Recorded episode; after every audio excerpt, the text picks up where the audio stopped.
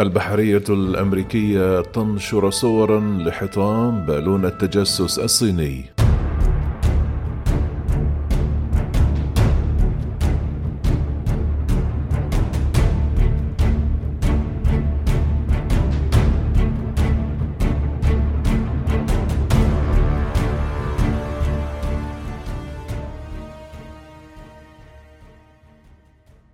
نشرت البحرية الأمريكية صورا لبالون مراقبة صيني مشتبه به تم إطلاقه من السماء يوم السبت.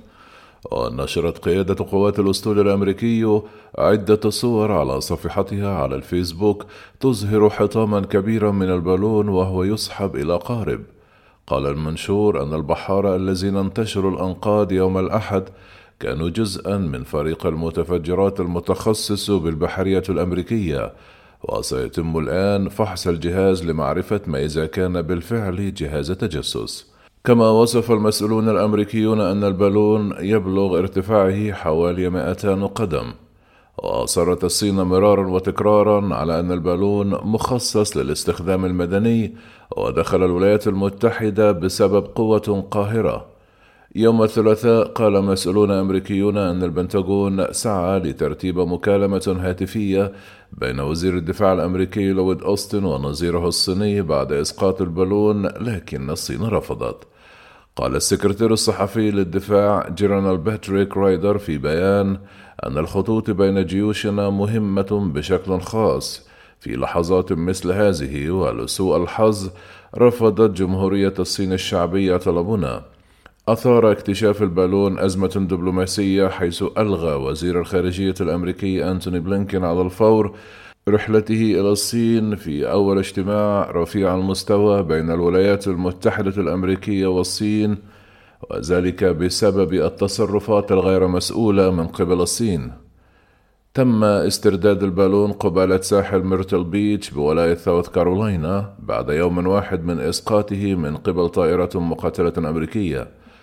كما قالت البحرية الأمريكية أن الحطام انتشر على امتداد سبعة أميال من المحيط الأطلسي وأرسلت سفينتان بحريتان إحداهما مزودة برافعة ثقيلة لاستعادتها للمنطقة ومع ذلك تكشف الصور أنه كان من الممكن سحب أكوام مادة البالون باليد. نشر الجيش الأمريكي أيضا مركبات بدون طيار تحت الماء كجزء من جهود البحث. ويقول الخبراء أن حطام المنطاد يمكن أن يزود الولايات المتحدة برؤية ثاقبة للتقنيات الصينية للمراقبة الجوية مما يسمح لهم بفهم أفضل للتكنولوجيا الصينية وكيف تقوم الصين بنقل المعلومات.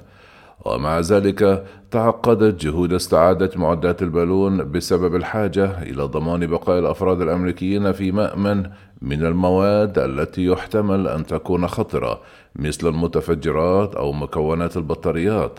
أعلن مسؤول الدفاع الأمريكيون في البداية أنهم كانوا يتعقبون الجسم الغريب يوم الخميس وانتظروا حتى وصل إلى الماء بأمان قبل إسقاطه. كما أظهرت لقطات بثتها شبكات التلفزيون الأمريكية سقوط البالون في البحر بعد انفجار صغير يوم الجمعة. قال البنتاغون أنه تم رصد بالون تجسس صيني ثان لكن هذه المرة فوق أمريكا اللاتينية مع تقارير عن مشاهدة فوق أراضي كوستاريكا وفنزويلا. قالت القوات الجوية الكولومبية أن جسما محددا ويعتقد أنه بالون تم اكتشافه أيضا في الثالث من فبراير في المجال الجوي للبلاد على ارتفاع يزيد عن خمسة وخمسون ألف قدم. وتقول أنها تابعت الجسم حتى غادر المجال الجوي مضيفة أنه لا يمثل تهديدا للأمن القومي.